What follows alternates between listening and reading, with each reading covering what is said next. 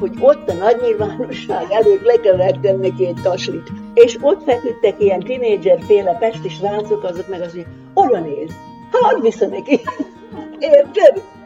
Mondom, elhallgass, mert neked is adok egyet. Sziasztok! Köszöntünk mindenkit a Lélekmorzsák hetedik részén, ami folytatása lesz lényegében az előző iskolás témánknak a második része. Az előző rész olyan hosszúra sikeredett, hogy lényegében egy részét már így le is vágtam, úgyhogy erre szeretnék visszatérni, hogy a Kodály módszer részt azt így kivettem, hogyha felvezetnéd egy kicsit, hogy bármit Kodályról, a módszeréről, miben látod ennek a pozitív részét, és amit, amit ezzel szeretnél még hozzáfűzni. Kodály miután Bartóknak kortársa volt, rengeteg időt fordított fiatal korába, amíg bírt menni a népdalkutatásra.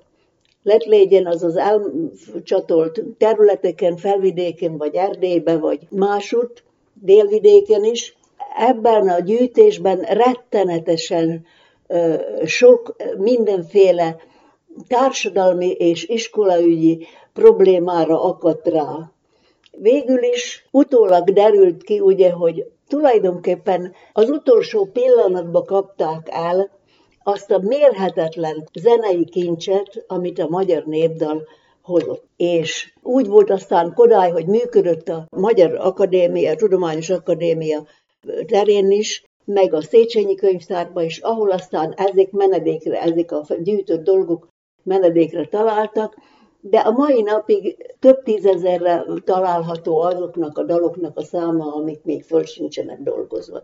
Na és aztán ő, ahogy fejlődött és zeneszerzőként is működött, akkor nyilvánvaló, hogy feldolgozott bizonyos dolgokat ezekből a dallamokból, így került rá sor, hogy kidolgozott egy olyan oktatási módszert, az úgynevezett Kodály módszert, amelyik a zeneoktatás teljes megreformálására irányult, amivel hát mondani, mondani sem kell, hogy én itt Szlovákiában ugye nem is nagyon találkoztam, csak aztán hirdettek Kecskeméten a Kodály Intézetbe egy nyári egyetemet, egy kéthetes kurzust, amire aztán verbuváltam a tanítók énekkarában társakat, akik még oda lejutottunk. Az egy nemzetközi befogadású tanfolyam volt, kezdve Amerikától fejezve Japánba, szóval nagy,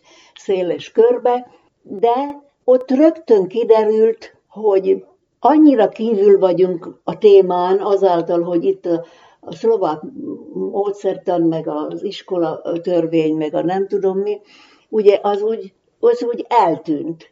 Az, hogy a magyar iskolák beindultak, meg, meg működtek, az még nem jelenti azt, hogy ez a magyar szellemiség, amit tulajdonképpen a népzene, néptánc, stb. hozott, hogy az benne lett volna. Az most is hiányzik, szóval ezt, ezt szellemmel kell átvenni. A legismertebb része, ami aztán mondjuk ott a Kodály Intézetben kiderült, de hát mondom, hogy sokkal magasabb színvonalról indult, mint mi, akik olyan kezdőknek számítottunk, hogy kidolgozott egy úgynevezett szolfést. Ezt do, re, fa, sol, egy, egy oktáv, és ahhoz, hoz, az hozzá volt rendelve, minden szótak hozzá volt rendelve egy hanghoz. Mondjuk az ongorán legjobban nézhető, ugye C-től C-ig, és félhangok a fekete billentyűk, de ezt énekelve.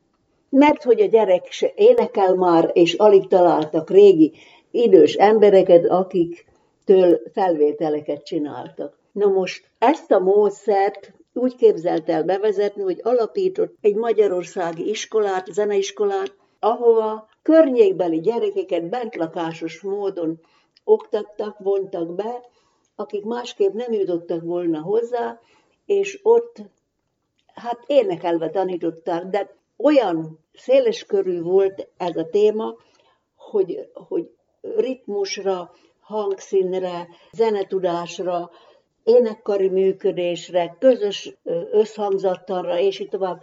Tehát ennek a következményeképpen, vagyis ennek a szükségleteire kiadott egy csomó olyan gyakorlati füzetet, mit tudom én, ötfokú zene, meg ilyen gyakorlatok, meg olyan gyakorlatok, szóval kis füzetecskék, amikbe olyan hangjegyekkel írt, amiket ezekkel a szolmizációs gyakorlatokkal lehetett elsajátítani. Sőt, ehhez tartozott még egy ilyen kézjel is, hogy nem csak a zene ismerő gyerekeknek, hanem, hanem egész egyszerű kicsiknek is lehetett tanítani, hogy, hogy do, re, mi, fa, és kézjelekkel lehetett ezeket a hangokat mutatni. Na most ugye persze, hogy nem tudtunk beleszólni nagyon kecskeméten, mert egy nagyon képzett, igen talpra esett zenetanárnő osztályába kerültünk, két szál Erdélyvel, ahol az egyik brassói volt, ugye, no hát az képzettebb volt nálunk, és akkor ezzel indultunk. De mondom, olyan fejlesztő módszer, hogy álljatok sorba, lépés az alapritmus, tapsikolás a módosított ritmus, szóval nem az alapritmus, és akkor még közben szolmizációs hangokkal még énekelni kellett azt a dallamot. Szóval nagyon-nagyon komoly volt, és tulajdonképpen Magyarországon akkoriban aztán kezdett úgy elterjedni, nyitottak zene szakos alapiskolákat. Máshol is, például ugye a fővárosban is, meg vidéken is, egyéb helyeken, és úgy nézett ki, hogy nagyon ment. Csak hogy ez a generáció, amelyik ebbe beleugrott, ez a generáció lassan-lassan kiöregedett a dologból, és mintha úgy nézne ki, hogy nem tudott igazán elterjedni minden iskolára. Kodálynak pedig ez volt az elve, hogy igenis mindenki jusson hozzá ehhez a magyar szellemhez, amit ő összegyűjtött. Na most a Kodály módszer aztán ugye még mindig ennek az alapiskolának köszönhetően kijutott Japánba. A japánok meg annyira vevők voltak rá, hogy egyszerűen nem tudni mitől, de azoknál teljes mértékben elterjedt, és zenét alapiskolán ma is így oktatnak a Kodály módszerrel. Ez a módszer, ez csak a zeneórákra terjed ki, vagy az egész oktatás maga valamiben más, mint egy átlagos általános iskola? A zeneiskolára, a zeneoktatásra vonatkozott főleg, de menet közben a gyakorlatban kiderült, hogy minden egyéb tanulási módszerre nagyon-nagyon jó hatással van.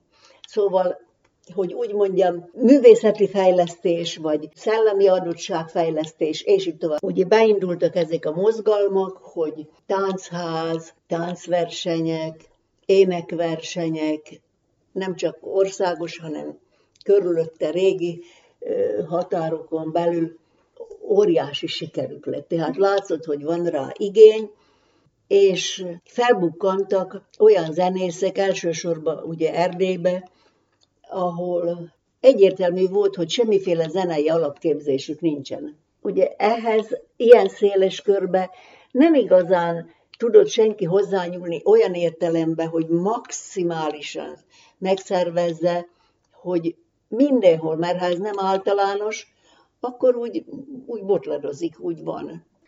Mi az, amivel érdekesebbé lehet tenni a gyerekeknek a tanulást, vagy az iskolát, az egészet, hogy no, legyen ilyen... Szerintem ez a probléma az egészbe, és ezen is mindenütt vitatkoznak most, hogy az volna az első rendű feladata az iskolának, hogy lelkesíteni tudja a gyereket. Szóval nem ez a elmondom, mond vissza módszer, hanem rávezetni, és a tananyag tömkelegéből, ami ugye menet közben nagyon fölnövekszik, akkor ehelyett ugye rávezető módszerrel kellene a gondolkodást fejleszteni. Nem a lexikális tudása fontos, Hát a, az iskola rendszert azt talán nem tudjuk megoldani, meg, meg ezt a kérdést, meg hogy hogyan kéne, viszont az biztos, hogy szép évek fűznek az iskolához, és vannak kellemes emlékeink, vagy ilyenek, olyanok, amolyanok, úgyhogy szeretnék erre a kis kellemesebb vizekre áttevezni, hogy van-e valami olyan, biztos, hogy van, amit Na meg tudnál ugye, osztani? Na most ugye én az utazásaim során is nagyon sokszor nem egyedül, hanem közösségbe, vagy a gyerekekkel, vagy a tanítók énekkarába, szóval sok mindenféle helyen csoportba utaztam, és akkor mondanom sem kell, ugye, hogy a gyerekeknél is nagyon meghatározó a korosztály, meghatározó a távolság, meghatározó a gyerekek kíváncsiságának a fölébresztése, és így tovább, hogy egy szélesebb világot nyisson az ember a gyereknek. Na most, hát ilyen, ilyen utazások során sok mindenféle előfordult, és többnyire, ha nagyobb kirándulás, két-három napos kirándulás volt, akkor rendszerint valahova távolabbra szerveztünk iskolai vagy osztály kirándulást. Volt egy olyan tendencia, amelyik szintén ezeket áldatlan állapotokat akarta módosítani. Kitalálták, hogy ahol párhuzamos osztályok vannak, ott szelektálják külön a tehetséges gyereket, meg a középszerűt, meg a nagyon gyöngét, és kaptam egy ilyen osztályfőnöki lehetőséget egy ilyen kiemelt társasággal.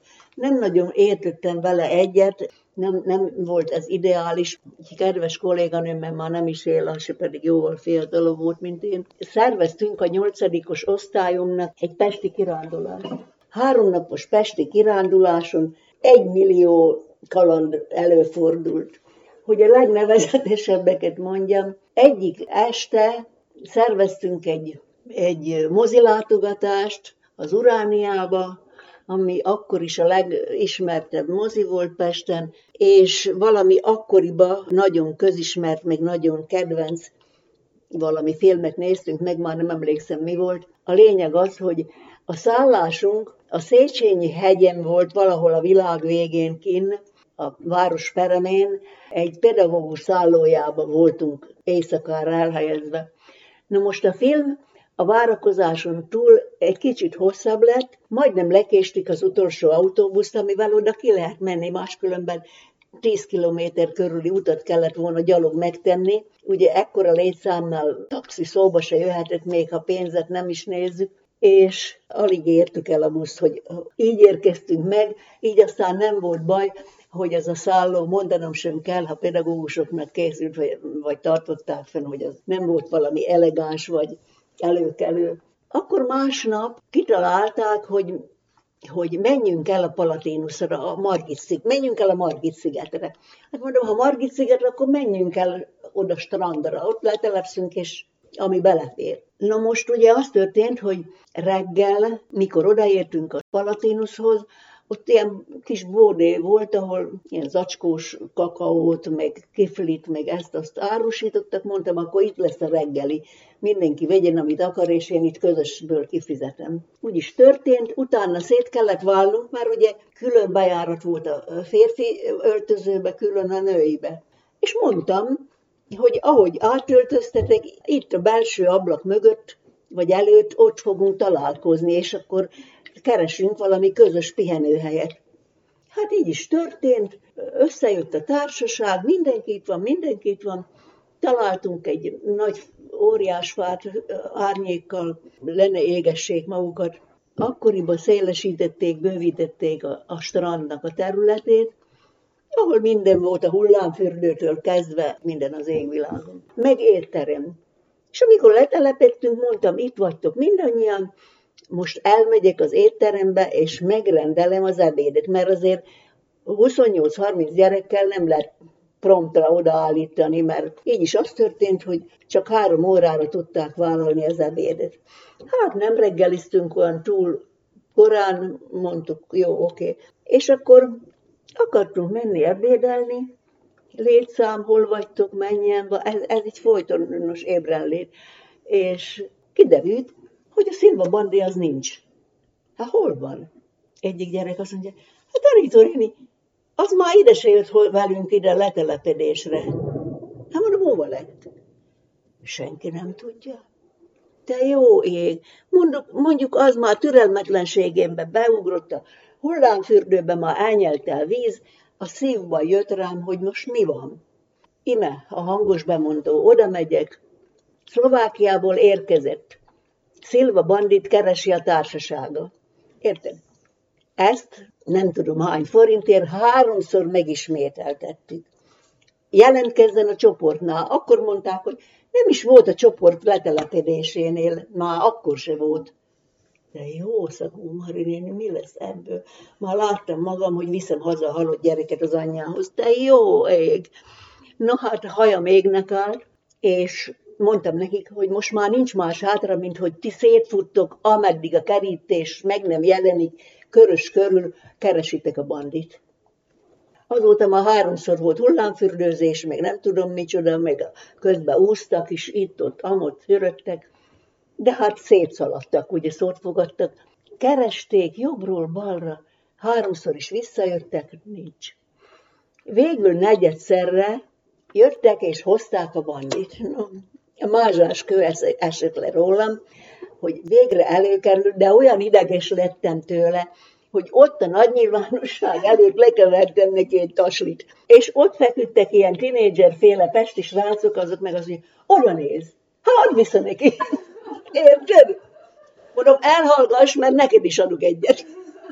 Csöndbe lettek, látták, hogy nagyon ideges vagyok. Kérlek szépen, no mit gondolsz, hol találták?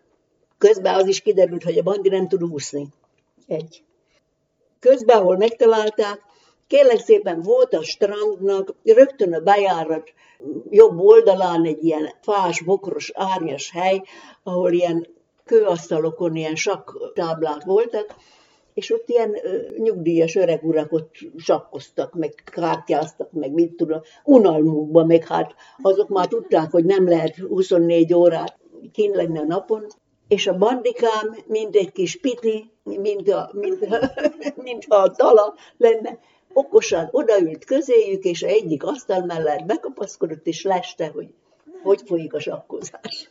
Hát amúgy is úgy látszik, ilyen mafla volt, de végül aztán előkerült. Na, kérlek szépen, ez még mind semmi, hanem akkor ugye megint vissza az öltözőkbe, jobbra-balra, megint kívül gyülekezés, érted?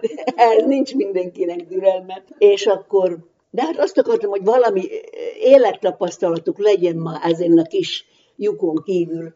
Úgyhogy összekászálottunk, felszálltunk a szigeti buszra, amelyikről át kellett szállnia a Margit szigeten. Kérlek szépen, már bőven fönn vagyunk a hídon, amikor azt mondja valaki, borsos, ráadásul egy kollégámnak a lánya, a borsos Évi azt mondja, hogy Tanító néni, ott felejtettem a öltözőbe a kardigánomat, vadonatúj volt. Mondom, nagyon vigyáztál vadonatúj kardigánomra.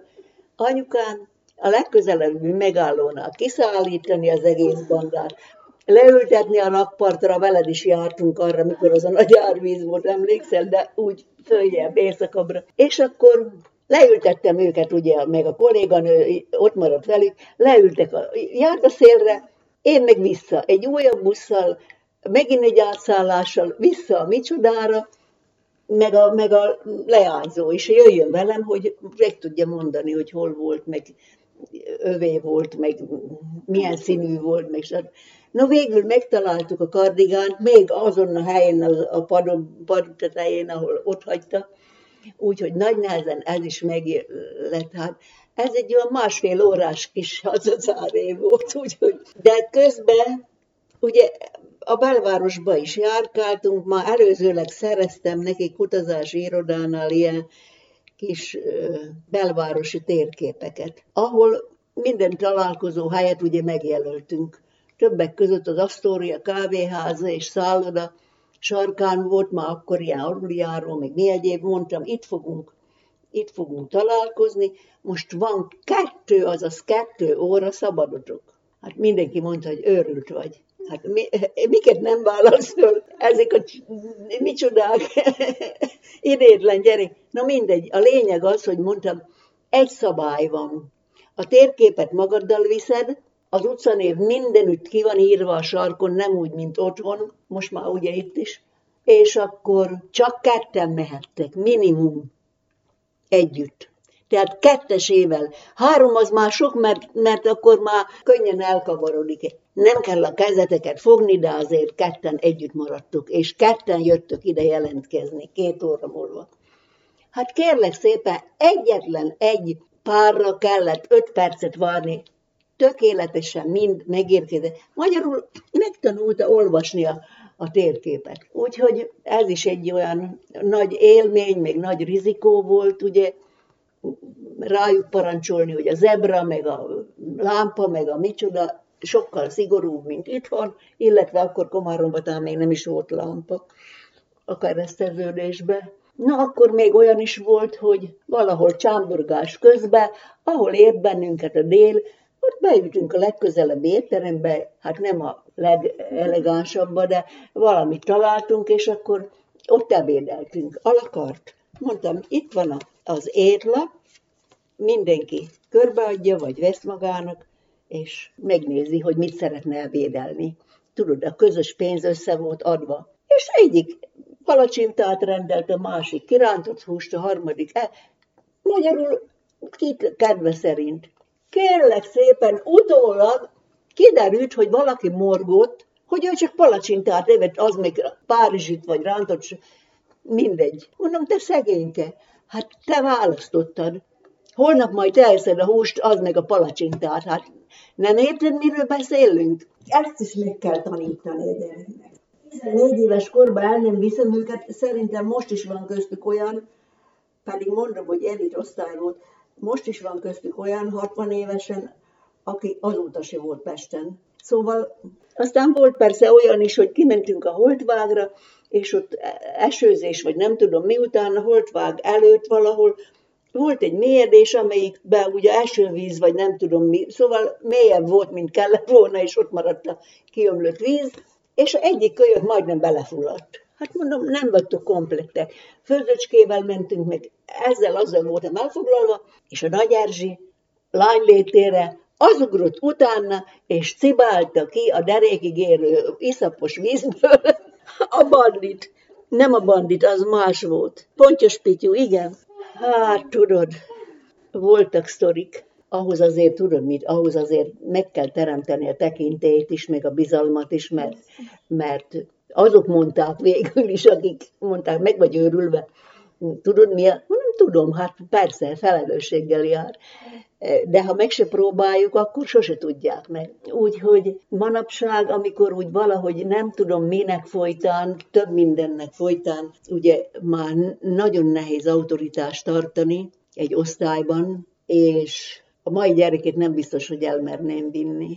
Uh-huh. Jó, hogy én is már öregedtem, meg mit tudom Persze. én, de... Hát minket, minket nem, nem emlékszem, hogy úgy elengedtek volna nagyon, vagy csak olyan, olyan egészen kisebb helyen, hogy mondjuk mentünk egy plázába, és akkor ott volt egy óránk. Igen, igen. Hogy onnan nem lehetett kimenni, úgyhogy... Még nagyon eltévedni, igen, igen, igen, csak egy kicsit.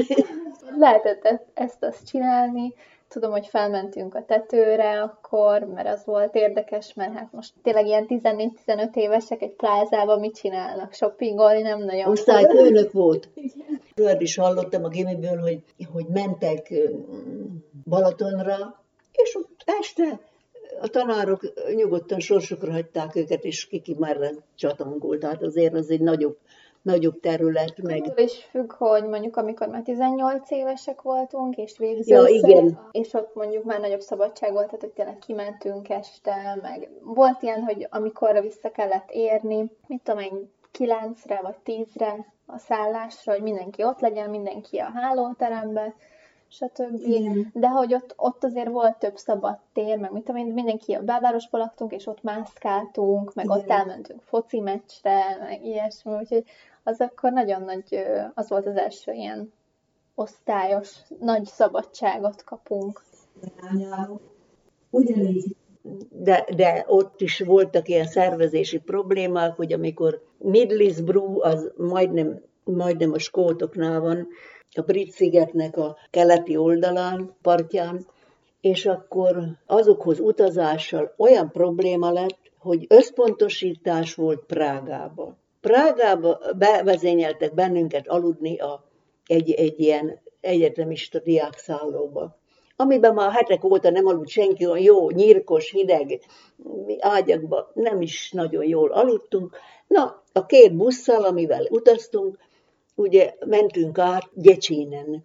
Gyecsinbe is volt egy szállás, és ott meg hát olyan fura vidéki szokás szerint, ugye nyilván a titkárunk, aki szervező volt, az rendelte, vagy azzal közölték, nem tudom, a lényeg az, hogy reggelire adta két virslit, meg egy sört. Olyan, hogy teja nem volt ismerős, érted? Azt mondom, mondom a Pistának, mondom, te, hát hogy képzelitek, hogy reggel üres gyomorra itt fogunk sörözni?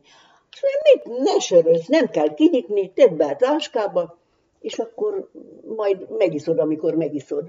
Akkor Németországba mentünk, nem is, nem is az angolokhoz. És kérlek szépen, megérkeztünk, általános, micsoda áramszünet volt a városba. Azt hiszem Dresdába vagy hol voltunk, mindegy, már nem emlékszem. A lényeg az, hogy ugye ki kellett pakolni a szobába, sötét van, nem tudom mi lesz, hogy kinyitom a koffert, csupa nyírok az egész, mi van?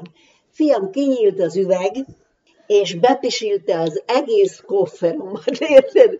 Nem volt mit fölvennem, úgyhogy sötétbe azon mód, valamit ki kellett mosnom másnapra, amit nem kell vasalni, és, és hogy föl tudjak egyáltalán öltözni. Ez volt az egyik. Az angolokhoz menet, ott meg Berlinbe, vonatig, vonattal mentünk Berlinig, és Berlinbe át kellett szállni, az mondanom sem kell, hogy félúton volt, illetve fél napot vártunk ott a berlini pályaudvaron, és akkor végül a vonattal elérkeztünk a Laman csatorna partjára, ahol is ugye a csatornán át kell jutni. És akkor ugye van ott ilyen komp közlekedés, óriási az a Dover, ezek a fehér sziklák, biztos láttad már a filmen, és ott derült ki, hogy a kedves két autóbuszsofőrnek nincs beutazási engedélye britekhez. Magyarul nem, tudnak, nem tudják a buszokat áthozni, át kellett szervezni az egész csomagot valami minimumra, és gyalog szépen, jó, hogy mozgó lépcsőn, de rá a kompra, és kompal mentünk át a, tengeren. Ja, még szerencse, hogy Doverbe ugye óriási kikötő, mindenütt ilyen stewardessek, vagy nem tudom miféle titulussal ezeket nevezni, rádióleadókkal futkároztak, és ennek segítségével tudtak a vezetők telefonálni a micsodára, a verseny színhelyére, Middlesbroughba. És azok aztán promptra egy-két órán belül küldtek egy saját buszukat értünk, hogy méltóztassunk oda jutni, ugye? Na, ott aztán végül úgy elaludtam, mondom, én többet az életbe nem jövök sehova. De mindegy, a lényeg az, hogy végül jól sült el, nyertünk is, még családoknál voltunk elszállásolva, jópofa értelmes dolgok voltak, jártunk Yorkba, ahol kilenc órakor este még vidáman lehetett fényképezni. A háziasszonyunk viszont este azt mondta, hogy most vagy Yorkba megyünk, vége a mulinak, vagy vacsorázunk. Mondtuk, hogy hát menjünk inkább Yorkba. Úgyhogy kocsival ültettek bennünket, és elmentünk Yorkba. Mire hazajöttünk, volt vagy 11, akkor nem tudom már mi volt, még egyet zongor ült a, a háziasszony, ugye egy kis Bartókot például, és akkor kérdezte, hogy mikor megyünk reggel el, mikor már utaznunk kellett haza, és mondtuk, hogy nyolcra van a gyülekező itt, meg itt, és azt mondja, hogy nyolcra? Hát akkor én még nem vagyok. Kérlek szépen, a férjem uram, ő megcsinált valamit reggelire, csomagjainkkal együtt úgy elkísért oda, fél vár, városrész ugye odajött integetni, meg mi egyéb, szóval helyes volt, jó volt. Rengeteget lehet tanulni, tapasztalni, a sok élmény közül az ember el is felejt ezt, azt. Sítúrán, a sítúrán csak a gimnáziumban voltam. A gimnáziumban akkor kötelező volt, egy évvel a érettségi előtt kellett szervezkedni, és az osztályfőnök ügykörött akkor körülöttünk, de olyan pehünk volt azzal is, hogy egy szemhó nem volt. Megérkeztünk Blincsokiba, és egy szem hó nem volt, csak a fák alatt egy-két maradék, van kis kupacok. Voltunk egyszer a csillával. Igen? Egy hókupacot találtunk, és akkor amellé legugoltunk, és lefényképeztek Stimmel, stimmel. És akkor ugye akkor még a szerelések se nagyon voltak, már nem is tudom, hogy hogy szereztem akkor sítalpat, az is kölcsönben volt valahogy. Meg tudod mit, ilyen balonkabát-szerű húzott jackik voltak, nem így csípőre, hanem így derékba, ilyen karcsú micsodákba. No, de, de jól éreztük magunkat, de ott még olyan malőr történt, hogy egy helyre szállásoltak bennünket egy, egy malackai, egy malackai gimnáziummal, ahol volt egy ilyen szélhámos osztályfőnök velük, és ott valami versenynek okvetlen lenni kellett, nem is a sízésbe, hanem hogy tartunk rendet, a cuccot, stb. A győztes kap egy tortát a végén. Hát erre ment ki a játék, és akkor képzeld el, hogy ezek a malackaiak megszagolták, hogy na most már őnekik itt nem lehet labdába rúgni, és beleraktak a tortába, be, beszentelenkedtek a konyha lányokhoz, és belekevertettek a tortába valami laxot, valami hashajtót. Úgy, hogy fél éjszaka ott sorakoztunk a WC előtt, nem tudtunk aludni. Az osztályfőnököm az olyan mérges volt, hogy megkereste a, a kollégát, és azt mondja, hogy úgy kellett, vagyis hát a fiúk mentek vele, úgy kellett lefogni, hogy meg ne pofozza azt a kollégát. Hogy már hogy képzeli, hogy ezt megengedik maguknak. Úgyhogy azért mondom, hogy nem mindenütt a gyerekem múlik az, hogyha történik valami balhé, hanem a felelőtlenségen, szóval jó, mert eszembe jutott, hogy ilyenek tényleg voltak, ezt már elfelejtettem, hogy amikor voltunk még alapiskolában, a természetovi, nem, természetsuli, természetovi, mind a kettő volt ilyen, hogy ez a rend pontozás. Igen, igen, igen. Mint a kaszárnyába, igen. És akkor, hogy megkaptuk a tíz pontot a szobára, vagy mondjuk valami nem volt, igen. hogy összerakott és akkor nyert az egyik Stimmel. másik, igen, erre emlékszem, hogy ez volt. Meg volt nekünk is ott. Érdekes, hogy ezek a kisebb iskolás történetek valahogy úgy jobban megvannak nekem, mint igen. a gimnáziumi például hogy ott, ott azokat, főleg a természetiskola az nekem valahogy így nagyon, mert az egy hosszabb időtartami szó. Egyrészt, másrészt természet, természetben szó szerint. Egy szobába laktunk sokan, és akkor ilyen, nem tudom, ott olyan, ott olyan jó dolgok voltak, hogy közös program, együtt kellett csinálni műsort, akkor az, hogy kimentünk a tisztáshoz, és akkor kellett alkotni abból, amit találtunk, tehát moha, kő, minden, Igen. valami kis mozaikot, Igen. és akkor azokat pontozták, és akkor ott tudom, hogy volt egy kis patak, meg minden az illatok, így minden előttem van, és ott is volt egy, egy lány, aki eltűnt egyébként akkor. Tehát úgy, hogy csak a tisztás körül voltunk, és lényegében nem is szabadott messzire menni. Eltűnt az egyik lány, és akkor mindenki kereste, és mentünk, kiabáltuk a nevét, hívtuk, és aztán valami, valami erdész hozta kézen fogva, talált, hogy valaki így el bózolódott, igen. Elko, És akkor igen. még az is nagyon jó volt, hogy esténként ugyanezen a tisztáson összegyűltünk, ez a szállástól tényleg egy pár száz méterre volt, át kellett menni az úton, egy picit beljebb igen. volt a közelben, nagyon jó helyen, és akkor ott meg tábortűz volt este, ilyen hatalmas tábortűz, körbeültük, énekeltünk, ezek így nagyon-nagyon megmaradtak ezek az emlékek. Igen, mert ezek nyilván a, a közösséghez tartozás érzését mennyire tudták kialakítani, akkor azt szerint maradnak meg ezek a, ezek a történetek. Nem volt a természet ovi, ott meg arra emlékszem, hogy... Olyan, olyanról nem is hallottam. Volt az is. Ott meg egy ilyen cseppkő barlangba jártunk minden délután aludni hogy bementünk, úgy emlékszem, de lehet, hogy ezt csak így összekombináltam a fejembe, nem tudom, hogy mint hogyha lett volna egy, mint egy hotel, vagy valami olyan épület, ahol bementünk, és abból nyílt egy nagy ajtó, és az vezetett Igen. be a, Igen, a barlangba. barlangba. És akkor ott mentünk, ilyen kis szűk utacskák, utacskák, igen. és kiértünk egy nagy részre, ami jó nagy volt a belmagassága igen. is, és ott ki voltak téve ezek a kis kinyitható fáhagyikók, mint amik az oviba is voltak. Csak kellett lepihenni. Betakaróztunk, és ját, lejátszották nekünk az Óza nagy varázslót, ezt a mesét. Igen. Kazettán, bent volt egy magnó. No, ez nagyon klassz volt. És akkor tudod, mi van? Ez mondjuk annak bizonyítéka, hogy tulajdonképpen ezeket a természet óvoda iskola rendezvényeket azért, szóval egészségügyi szempontból csinálták. Igen, ugye igen. fejlődő gyerekeknek, itt pláne nekünk, ugye itt semmiféle erdő, 50 kilométeres körzetben itt nem tudok erdőt. Tehát, és akkor az csak olyan... Olyan kis, kis, kis oda, oda vágott, igen. Igen. Liget, liget. Ezek olyan nagy, meg az is, hogy az a sok gyerek, ahogy együtt van, és akkor mindenkinek a fantáziája, és akkor, hogy beindul, hogy jaj, jön a medve, meg itt láttak medvét, meg jönnek ezek a kitalált történetek. Igen, riogatások. Riogatások, igen, szellemek. Ki volt az óvónéni akkor? Ez a, ez a pálinkás Márti néni? Az a Márti nénis csoport volt, igen. Igen. igen, Márti néni is egy ilyen tip valaki. Zsuzsa néni. Többieket nem tudom név szerint, de ismerek még most is onnan valakiket. Hát, igen, és hogy még ezek a rémt, Jézusom, igen, azok meg talán másodikba volt, vagy mikor volt, amikor mentünk természetsuliba, és akkor meg már nagyon mentek ezek a ijeszgetős történetek, volt a Bloody Mary, a Véres Mary. Igen.